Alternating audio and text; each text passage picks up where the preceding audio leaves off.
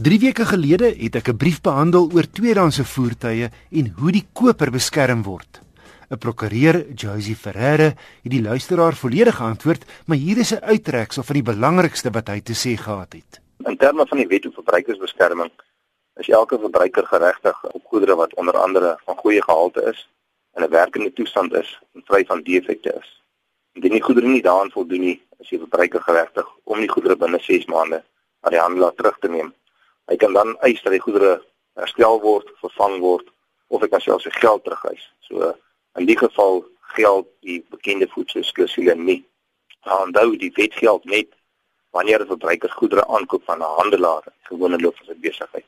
As jy byvoorbeeld 'n gebruikte voertuig by 'n privaat individu sou koop wat nie as handelaar optree nie, is dit nie van toepassing nie en dit kan nie voedselsklusule natuurlik dan nog steeds geld. Nou die luisteraar het nie 'n opvolgvraag. Hy wil weet wat sê die wet mag die verkoper aan jou die verkoper die vorige eienaar se kontakbesonderhede gee.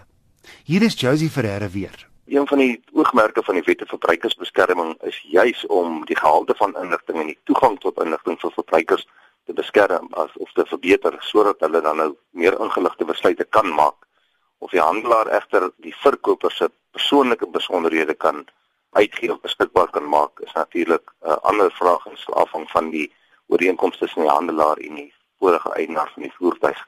Ehm um, daar is alternatiewe maniere hoe mense inligting kan bekom. Jy kan die handelaar versoek om die vorige eienaar te kontak en sy toestemming te kry om sy persoonlike inligting aan jou bekend te maak. Alternatiefelik kan jy die handelaar versoek om jou inligting aan die vorige eienaar te verskaf sodat hy jou kan kontak of jy kan jouself jou navraag deur die handelaar rig en hy kan die navraag namens jou by die vorige eienaar aanvra. Josie Ferreira van Josie Ferreira Prokureurs. Dan vra Andri Roland raad. Sy gaan vir 6 weke oor see en wil weet wat daar te doen staan. Die agent van haar 2014 Opel Corsa sê dis dalk nie 'n goeie idee om die battery te diskonnekteer nie, aangesien die nuwe motors rekenaars het wat baie goed beheer. Sy skryf, sy weet daar's 'n toestel wat mense aan die battery kan koppel, maar sy sien nie kans om dit aan te skaf nie. En dan wil sy weet of sy haar motor 'n ent van die grond moet laat lig sodat die bande nie beskadig word nie. Hier is Nicolou, hy is die tegniese redakteur van die tydskrif Car. Eers sou ek sê rakende die bande, ek dink 6 weke is kort genoeg om die voertuig te kan parkeer op sy bande. Ek sou nie sê dis nodig om die voertuig op te tel nie. Ek sou eers gekyk het daarna as die kar byvoorbeeld vir 6 maande of na 'n jaar moes parkeer word. Ek sou net sê wat sy na kan kyk is om die bande te pomp tot op die hoogste spesifikasies soos aangedui deur die vervaardiger wanneer die voertuig vol gelaai is. So ek sê dis een ding waarna sy kan kyk. En dan rakende die battery.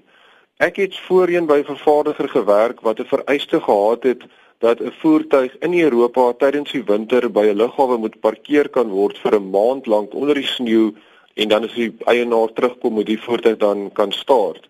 So weer eens dink ek 6 weke is miskien nou net op daai vlak wat ek dink hy sal teen teen kan start as die battery gekoppel word. Alles hang natuurlik af van die kondisie van die battery en ook die tempo wat die battery ontlaai. Nou Natuurlik as hy gekoppel word in die voertuig is daar 'n paar uh, verliese of daar's 'n paar stelsels wat energie gebruik soos byvoorbeeld jou alarmstelsel en ook jou stelsel se horlosie en so aan. En as jy die battery ontkoppel, dan is daar nog steeds 'n uh, bietjie energie verlies van lading wat oor tyd dan ook half ontsnap uit die battery uit, maar natuurlik in 'n baie stadiger tempo. Die probleem is as jy die battery ontkoppel van die voertuig, dan kan as jy terugkom gaan jy miskien probleme kry met jou radio wat nou eweslik vir jou sekuriteitskode vra want hy gaan dit nie wil werk nie as dit 'n veiligheidskode wat ingebou is en natuurlik dan ook jou horlosie en jou stelsel horlosie en so aan gaan dan nie meer die regte tyd wys nie. Ja. Ek dink nie daar is regtig vir 'n uh, probleem deur om te ontkoppel sodat jy dan skade kry op jou elektroniese stelsel nie, dis meer 'n irritasie. So my raad aan ander is eerstens kan sy natuurlik een van hierdie slim laaiers op die voertuig koppel wat dan nou die stroom aanpas om die battery in topkondisie te hou. Maar sy nou nie een van die laaiers wil aanskaf nie. Tweedens sal ek sê 6 weke is kort genoeg om die kans te vat om die battery nie te ontkoppel nie. So maak net seker nou dat jy 'n goeie end gaan ry het voor jy die voertuig parkeer. Ek sou dan sê die kans is baie goed dat sy terugkom dat daai voertuig nog steeds sal vat En as hy dan 'n nuwe wil vat nie, dan kan sy natuurlik dan nou maar of 'n laaier kry en in binne 'n uur of twee se laai sal hy reg wees of die laaste uitweg is natuurlik dan soos ons sê die jump start metode om hom aan die gang te kry. Maar my gevoel is ek sal amper geld op die tafel sit met 'n 2014 Corsa. Hy sal start na 6 weke. Nikkel, dan het ek 'n ander brief ontvang van Antoni van Wyk. Hy het 'n navraag oor 'n Audi A1 outomaties. Dis sy vrou se kar en dit nou al 40000 km afgelê en die koplaar moes al vervang word en daar moes al na die sagte ware gekyk word. Eerstens wil hy weet of daar enige probleme is wat die Audi A1 aanbetref. Wissel, ehm um, Audi A1 is natuurlik gebaseer op die huidige Polo onderstel en hulle hier en daar deel hulle enjin ook. Ons het nog nie briewe regtig gekry van groot probleme met Audi A1s nie. So nee, ek ek kan nie dink daar is ernstige probleme in die veld waarvan ons weet nie.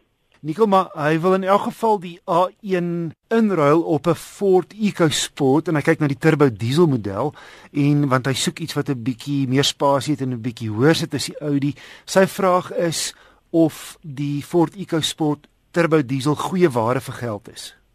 Ek dink so Wessel as mens kyk na die naamstel syfers en daar verkoop amper 1000 EcoSports per maand, dan dink ek is daar heelwat Suid-Afrikaners wat sal saamstem dat dit goeie waarde vir geld is.